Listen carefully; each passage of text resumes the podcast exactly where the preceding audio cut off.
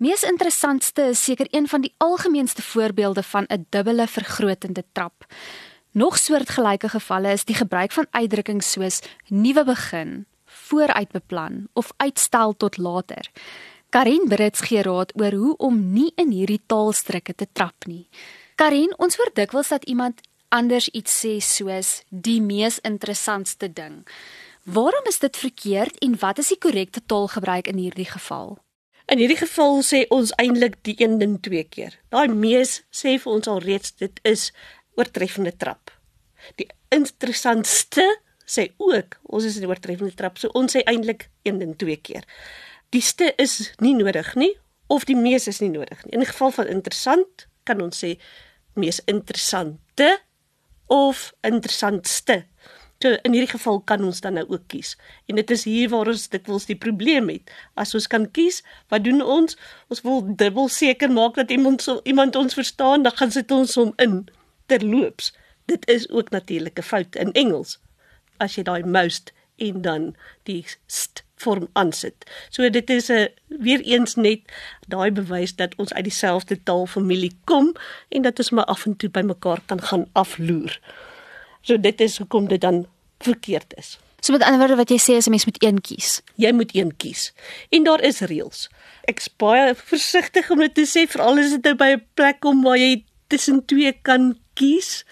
As jy weet soos interessant het dan weet jy hierdie drie silabusse, drie ehm um, lettergrepe. Drie lettergrepe dat ek nou die mooi um, Germaanse vorm daar gebruik, daai drie lettergrepe, dan weet ek goed ek kan nou 'n bietjie hier versigtig wees. Ek het 'n keuse. Ek kan nou sê ste of ek kan sê mees.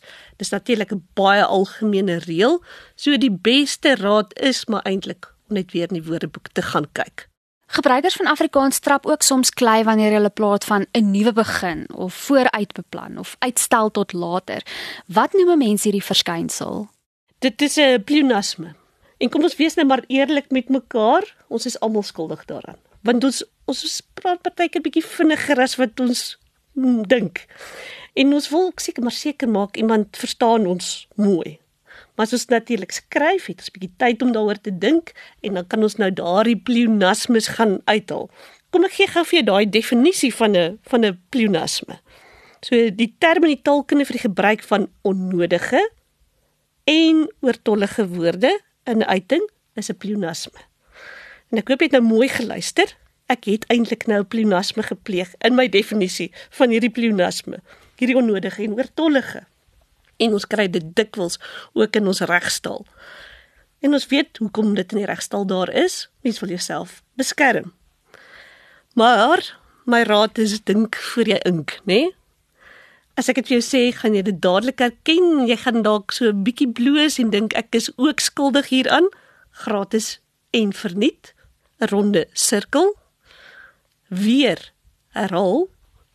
Kyk na daai woord her Hy het alreeds die betekenis om weer iets te doen. 'n Dooie lijk. Mede kollega. Kollega impliseer alreeds dat ons uh, iets gemeen het. Daai mede, so mede is onnodig. Ek kry dit nogal dikwels. Hierdie mede wat maar ingetrek word. Miskien dalk. En daarin is ek miskien dalk ook skuldig. Watter slaggate moet liefs vermy word? Hoe maak 'n mens seker dat 'n mens nie in hierdie struike trap nie? Dit is eintlik net om weer na mooi na die woorde se betekenis te gaan kyk. Maak seker jy verstaan eintlik al die woorde in jou skryfstuk. Ek sien dit baie dikwels by studente dat hulle die dosent wil beïndruk en hulle gaan sit al daardie mooi woorde in. Dit lyk verskriklik. Soos liewe ek sê so gesê het, hierdie groot woorde. Ek dink jy gaan beter punte kry. Wees baie versigtig daarvoor om net mooi woorde te gebruik. Weet wat dit beteken. En as jy weet wat dit beteken, gaan jy dadelik daardie pleonasmus optel.